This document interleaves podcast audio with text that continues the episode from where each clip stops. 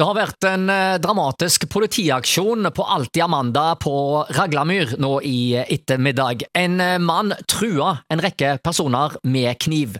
Reporter Thomas Johannessen har snakka med operasjonsleder ved Sør-Vest politidistrikt, som forklarer.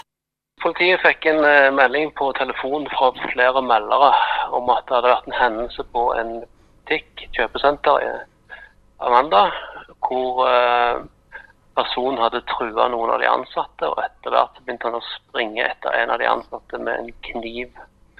Eh, det var flere melder på den selve knivhendelsen òg, og etter hvert så fikk vi òg en fra, melding fra en vekter som gir samme informasjon. Denne vekteren den kom etter hvert òg inn i konflikt med denne mannen og får seg et spark. Det skal ikke være noe skade på vekteren, men han er tatt til og vi er i samtaler med han inne på et Eh, senterkontor på stedet.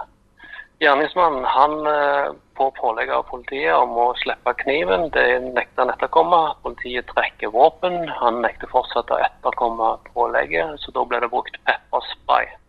Når effekten av pepperspray slår inn, så slipper han etter hvert kniven og legger seg ned på bakken.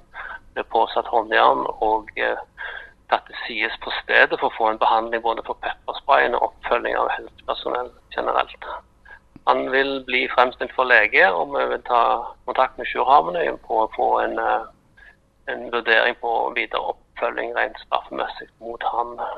Ja, slik jeg forstår det, så er mistenkt en mann i 30-årene. Er det en mann som er kjent fra politiet fra før?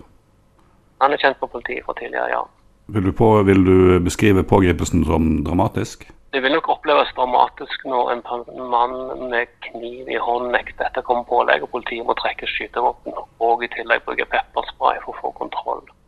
Så helt klart vil det oppleves som dramatisk for publikum.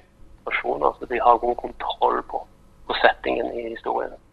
Denne vekteren som fikk et spark, er han skadet? Nei, det er ikke noe tilbakemelding om at han er skadd at han trenger legeoppfølging. Han er som sagt eh, trukket seg tilbake til et senterkontor og vil fulgt opp en patrulje der. Tilbakemelding på den patruljen den har jeg ikke per nå.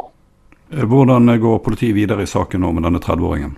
Eh, han vil bli fremstilt for lege, og så får vi ta en vurdering på oppfølgingen av han. Og så vil det selvfølgelig bli tatt noen juridiske spørsmål rundt om han skal pågripes og innsettes. Og Det sier altså operasjonsleder Einar Knutsen ved Sør-Vest politidistrikt vår reporter Thomas Johannessen.